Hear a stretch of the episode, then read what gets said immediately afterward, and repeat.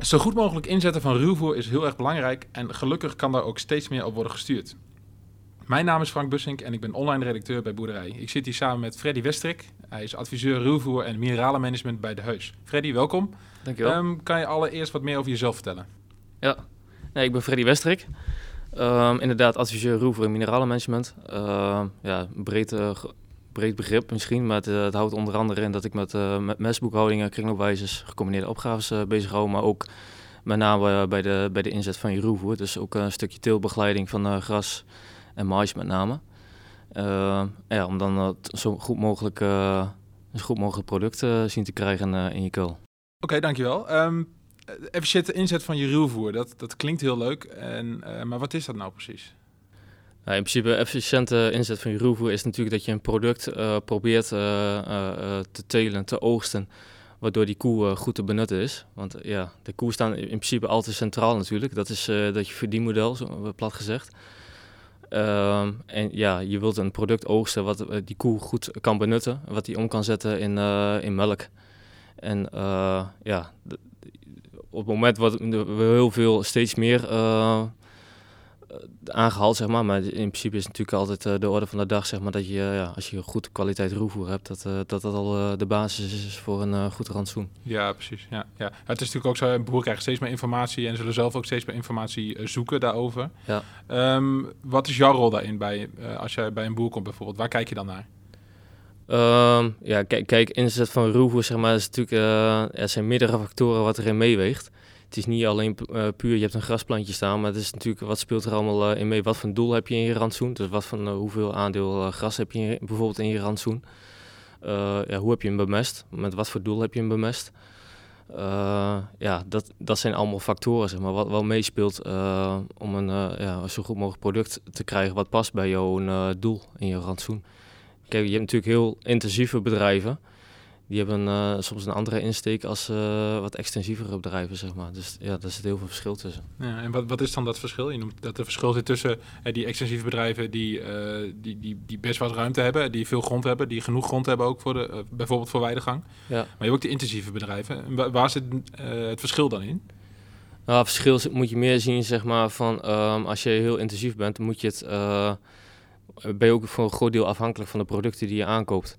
En ehm, wil je dan, uh, nou, laat, ik zeggen, als je een, uh, een grasdeel aandeel in je rantsoen hebt van minder dan 50%, ja, dan mag daar best een hoge eiwit in zitten. En dan mag dat product best wat, wat, wat, vlotter zijn, zeg maar.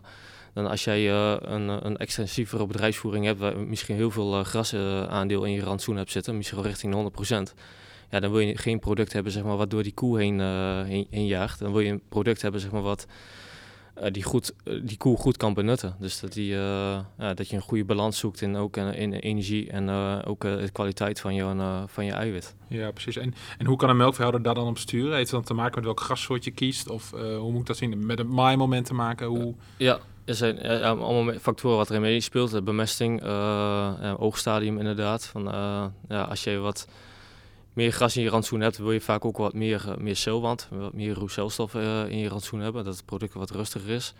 Je probeert daarnaast uh, ook een bepaald aandeel suiker erin te krijgen, zodat je op die manier ook energie in je, ja, in je, al in je, in je roevoer hebt zitten. Mm -hmm.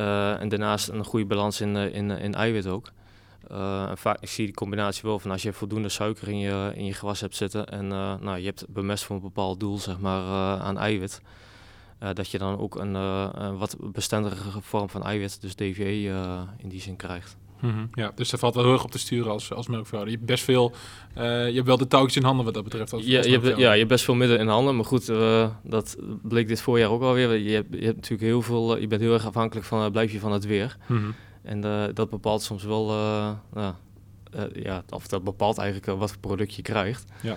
Alleen ja, we, aan de voorkant willen we graag een, bepaald product. Maar ja, als, het, uh, als het weer niet, uh, niet meewerkt, dan krijgen we soms anders. En dan, dan is het van, ja, hoe anticipeer ik erop? Ja, want we, we hebben nu best veel... Melkvrouwers hebben een zware eerste snede gehad. Wat betekent dat dan voor de rest van het seizoen? Hoe ga, je, hoe ga je daar dan mee om? Waar moet je dan rekening mee houden? ja, dat is, dat is ook weer van, wat is je doel inderdaad in je rantsoen weer? Ja, val ik wel telkens op terug, maar dat blijft natuurlijk wel een stuk een basis. Uh, maar als jij bijvoorbeeld uh, heel veel, uh, ja, nu in, in, die zware sneden, zo over het algemeen, ja, veel suiker in zitten. Wat, wat minder eiwit. Dus het kan best zijn dat je straks een enige vorm van eiwit gaat missen in het rantsoen. Zou je met een latere snede eventueel kunnen compenseren, zeg maar, dat je het langs elkaar op kan voeren. Dat je een wat eiwitrijker snede hebt. Ja. Waar je het op die manier kan combineren. Ja. Maar dat blijft dus natuurlijk ook wel weer afhankelijk van ja, hoe is je bedrijfsvoering en kan ik dat zo inpassen? Dat is natuurlijk altijd weer ja. Ja, want dat, dat kun je bijvoorbeeld doen met uh, bijproducten. Of is dat dan weer een stapje verder? Is er nog, nog weer iets anders?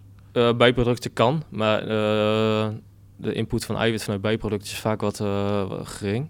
Hmm. Dus dan probeer je het vaak wel vanuit de basis, vanuit je ruwvoer te krijgen. Ja, en dat je het dan niet met bijproducten wil doen, maar wel echt met, met het verse gras. Um, hoe kun je dan ervoor zorgen dat je hebt nu bijvoorbeeld die zware eerste snede gehad, hoe kun je ervoor zorgen dat je dan later wel wat meer eiwit in je, in je gras krijgt? Ja, dat is ook weer, dat is oogstadium op een gegeven moment ook weer. Hè? Je hebt, mhm. eh, dat je misschien wat, uh, wat lichtere sneden pakt. Ja. Uh, andere kant, ja, inzet van vers gras is ook een, een goed punt natuurlijk. Dus dat je, dan heb je geen voeder, voederverliezen. Nee. En ja, die kan die koe al vaak al heel goed, goed benutten en goed omzetten in, in melk. Ja, en we gaan nu de zomer in. En de weidegang seizoen is in principe, is in principe al begonnen. Ja. Uh, speelt dat dan ook nog een, een rol in, dat, in, in, de manier hoe je dan bij een boer zegt van oké, we gaan zo ervoor zorgen dat je meer eiwit in je rantsoen krijgt? Van uh, probeer zoveel mogelijk weidegang toe te passen. Ook bij boeren die dat niet kunnen. Of hoe, hoe, hoe ja, zit het dan? Ga je dan aan, zit je dan aan vers gas voeren te denken? Hoe, hoe werkt zoiets dan? Ja, dat, dat is maar net hoe, uh, hoe ziet jouw bedrijfssituatie er ook uit. Heb ik een huiskavel dat ik überhaupt kan weiden? als dat, eh, als dat al niet het geval is, dan, uh, dan zou voeren een, uh, een, een, optie kunnen zijn. Dus je op die manier wel vers gras inzet. die voeden we, ja, voederverliezen zeg maar, niet hebt van de omzetting wat je in de kuil wel hebt. Ehm, dus dat is dan een hele goede, goede optie in die zin. Daarnaast, ja, weidegangen, als je de huiskavel wel hebt, is weidegangen natuurlijk wel een hele mooie optie om ja, direct die vast, of dat gras in die koe te krijgen. Mm Wat je kan omzetten. Alleen ben je natuurlijk de, daarin ook alweer afhankelijk van het weer, zeg maar. Van ja, Hoe, hoe, gaat, hoe gaat dat weer? Dat zeggen we dit voor je ook alweer. Van, uh, we hebben, hadden een trage, een trage voorjaarsgroei in die zin. Dus je op een gegeven moment, ja, ben je eigenlijk een grotere oppervlakte bij nodig. Maar op een gegeven moment ja, loop je daar ook een beetje, een beetje mee vast. En dan moet je ook weer, uh, ja, dan moet je weer anticiperen. Ja, ja precies. Ja. Zie je nou ook, hè, we hebben de afgelopen jaren best veel te maken gehad met droogte. En uh, niet uh, iedereen kan beregenen. Zie je dan ook zeg maar, dat in de rantsoenen de, uh, de gehaltes veranderen? Vanwege de droogte of door de droogte? Of is die relatie niet één op één te leggen? Uh, op zich is dat ja, één op één is misschien wat lastig, maar die, die invloeden kun je echt wel zien. Mm -hmm. op een gegeven moment als het gras zeg maar, uh, in de stress uh, schiet, dan gaat hij vaak ook uh, verhouten, zeg maar. En wat, ja, dan krijg je over het algemeen vaak wel een product wat niet altijd heel, heel goed door die koe te benutten is. Ehm, ja, je hebt dan celwand en ja, het bestaat uit uh, hemicellulose, cellulose en lignine. Uh, als je, en lignine is dan als, als een plant in bloei komt, dan maakt hij heel veel houtstof. Lignine maakt hij dan aan. Mm -hmm. En dat is door die koe eigenlijk niet te, niet te fermenteren, zeg maar. Nee. En ja, op zulke, zulke dingen kun je het wel, uh, wel terugzien. En ook als je geen vocht hebt, uh, heb je ook geen mineralisatie. Uh, en het is niet zo dat die, die meststoffen die je gegeven hebt, dat die altijd direct weg zijn. Maar later op in het jaar kan het wel weer beschikbaar komen als er wel weer vocht en mineralisatie is. Dus daarin zie je het uh, dan ook alweer terug. Ja. Heeft het dan nog uh, invloed op hoe, hoe boeren bijvoorbeeld inzaaien? Dat ze zeggen, nou, we pakken een, een, een grassoort die wat meer droogte-resistent is. Dat ik nog wel zeg, mijn gehaltes uit de, het gras haal, omdat ik tot doelen gesteld om bepaalde gehaltes te halen. Ja, nou, ja de, de inzet van, uh, van een, een, grastype is natuurlijk met name ook droogteresistentie eigenlijk. Hè? Dat die, mm dat die overleeft. Ja. daarom zet je hem ook in. Uh, daar zitten wel wat verschillen in die zin tussen. Ja. Maar over het algemeen zeg maar, kom je vaak wel een beetje terug op, uh, op standaard types. En een Engels rij is daar vaak wel gewoon een, de hoofdmoot in. Ja. Je, je kunt wel richting een, een rietzwenk gaan. Die is ook goed in te zetten. Zeker.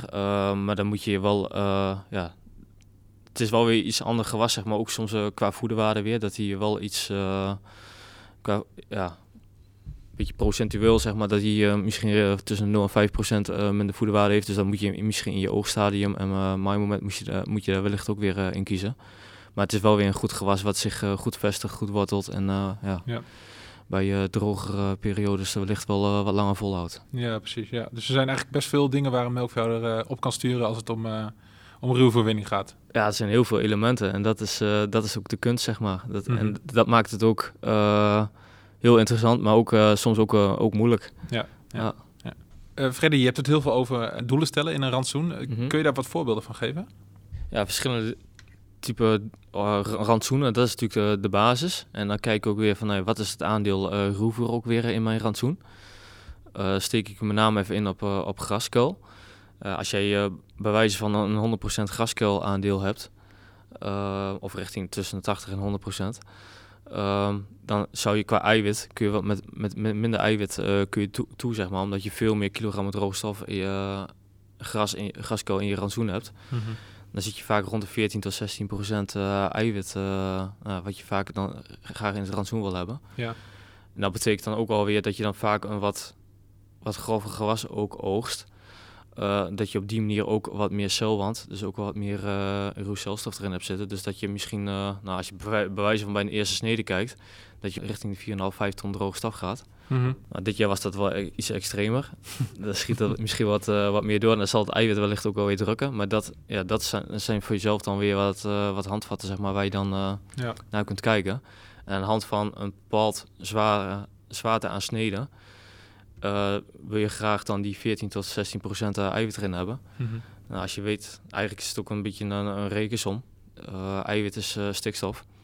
Dus als je een bepaalde zwaarte aan sneden hebt, dus zoveel kilogram droge stof, maar een bepaalde behoefte aan, aan eiwit, ja, dan, dan, moet je zoveel zuivere kilogram stikstof brengen. Ja. En daar probeer je dan met je bemesting dan op te, op te sturen. Ja. Kan het ook nog dat je dan bijvoorbeeld, zoals klaver komt ook steeds meer op, ja. dat, die pak stikstof op, zeg maar. Zie je dan ook steeds vaker dat meer klaver wordt gezaaid? Of wordt gebruikt in een rantsoen?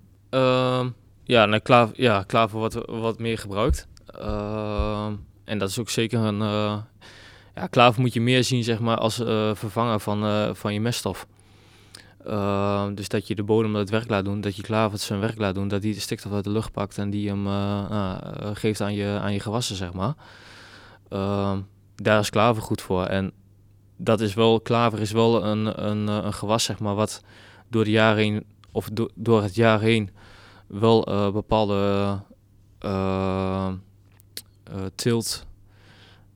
Uh, ja, ja hij, hij, heeft een bepaalde groeistadium in het jaar, zeg maar. Dus het is bij de eerste en tweede snede zit het aandeel klaver vaak een stuk uh, lager. Mm -hmm. Omdat de bodemtemperatuur dan vaak nog lager is, waardoor de klaver nog niet heel erg gevestigd is en zijn werk doet. Dus verderop in, de rand, verderop in het jaar, zeg maar, dan, komt hij wel, dan gaat hij wel stikstof binden en ook, ook leveren aan je, aan je, aan je zoden. Mm -hmm. alleen is het dan ook wel weer van ja, hoe hou ik mijn, uh, hoe ik mijn klaver erin? En dat, dat is wel weer een, een, een management uh, ding, zeg maar. Dat je dan ook weer die klaver niet, uh, je graszoden en je klaver niet, niet te rijk bemest aan, aan stikstof. Want ja, klaver houdt wat van wat arme omstandigheden, waardoor die ook beter zijn werk kan doen. Ja, dus als jij uit eerdere jaren ziet dat jij in de vroegere snedes wat minder eiwit hebt zitten altijd, en je lukt je niet om dat omhoog te krijgen, dan zou je eens kunnen zeggen, ik ga klaver proberen om met de latere snedes in te doen het eiwit wat op te krikken. Ja, maar dan praat je weer over gemiddeld, zeg maar. Ja, ja, ja precies. Ja, op basis van de eerdere jaren. Ja, precies. Ehm, maar het is gewoon feit dat hij wat later op in het jaar uh, meer zijn uh, productie geeft. En dat je in de eerste, tweede snee, zeg maar, ja, dan, dan blijft hij gewoon wat meer achter. Dus dan zul je wellicht wat meer met je andere meststoffen uh, moeten doen. Mm -hmm. Maar dan, is het ook, dan kan ook weer een, een, reden zijn, zeg maar, dat je misschien voor een wat vroeger oogstadium kiest. Dat je daardoor wel het eiwit in die zin erin houdt. Ja. Oké. Okay. Hey, en het, het, inkuilen zelf, uh, waar moet je dan als melkveehouder echt, echt op letten? Want conservering van die kuil die is heel belangrijk, want je gaat er best lang mee uh, aan, aan het voeren. Kun je boeren wat tips geven waar ze op moeten letten bij het inkuilen?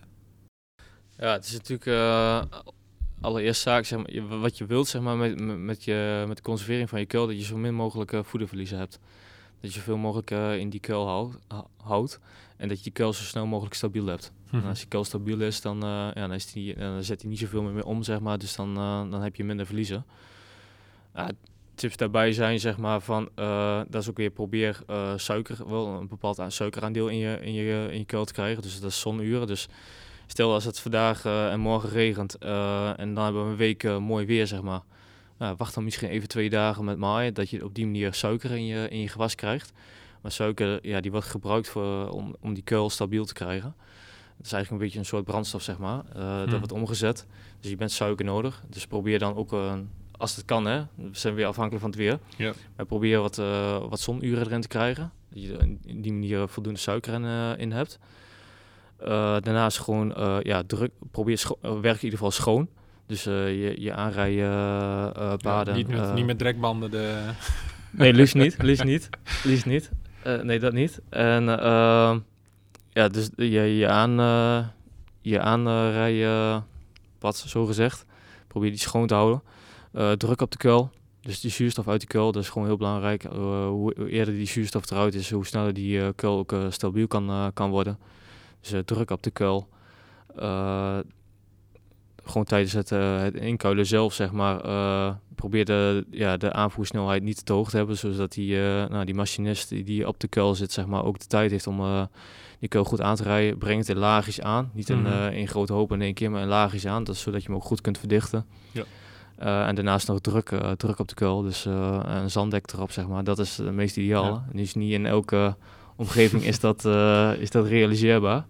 Maar probeer wel druk op die kuil te krijgen. Dat je op die manier nou, de lucht zo snel mogelijk uitkrijgt. En ook ja, minder kans op broeien krijgt op die manier. En, en toevoegingsmiddelen? Ja, dat is, een, dat is ook een hele goede. Dat is een hele goede. dat is ook weer afhankelijk van wat, wat van tijd in het jaar zit je. hoeveel suiker zit er bijvoorbeeld in mijn, in mijn gewas. je hebt verschillende type conserveringsmiddelen vaak of merendeel uh, gericht op uh, melkzuur uh, voor de bacteriën en azijnzuur voor de bacteriën. Uh, azijnzuur is meer gericht op schimmels, broei, gisten, zeg maar, dat je die probeert te voorkomen. Dus mocht je inderdaad wel wat, wat grondaandelen hebben, of nu, wat je, nu dat je wat groffere gewas hebt, heb je vanuit onderen ook uh, afsterven van, uh, van blad, zeg maar. Dus je hebt ook meer schimmeldruk in de kuil. Mm -hmm. ja, pak dan een middel, zeg maar, waar wel uh, ook azijnzuurvormende bacteriën bij in zitten. Mm -hmm. heb je wat, nou, wat korter gewassen, wat minder kans op schimmel, zeg maar. Of dat je denkt van, nou, dat, dat, is, dat aandeel is minder. Ja, dan ga je meer richting een wat meer melkzuurvormende bacteriën en conserveringsmiddel. Ja, ja precies. Ja. Oké. Nou, dankjewel voor je verhaal, uh, Freddy. En ja. uh, mocht jij nou meer willen lezen over uh, gras en efficiënte inzet van je ruwvoer, bekijk dan het thema op boerderij.nl slash gras.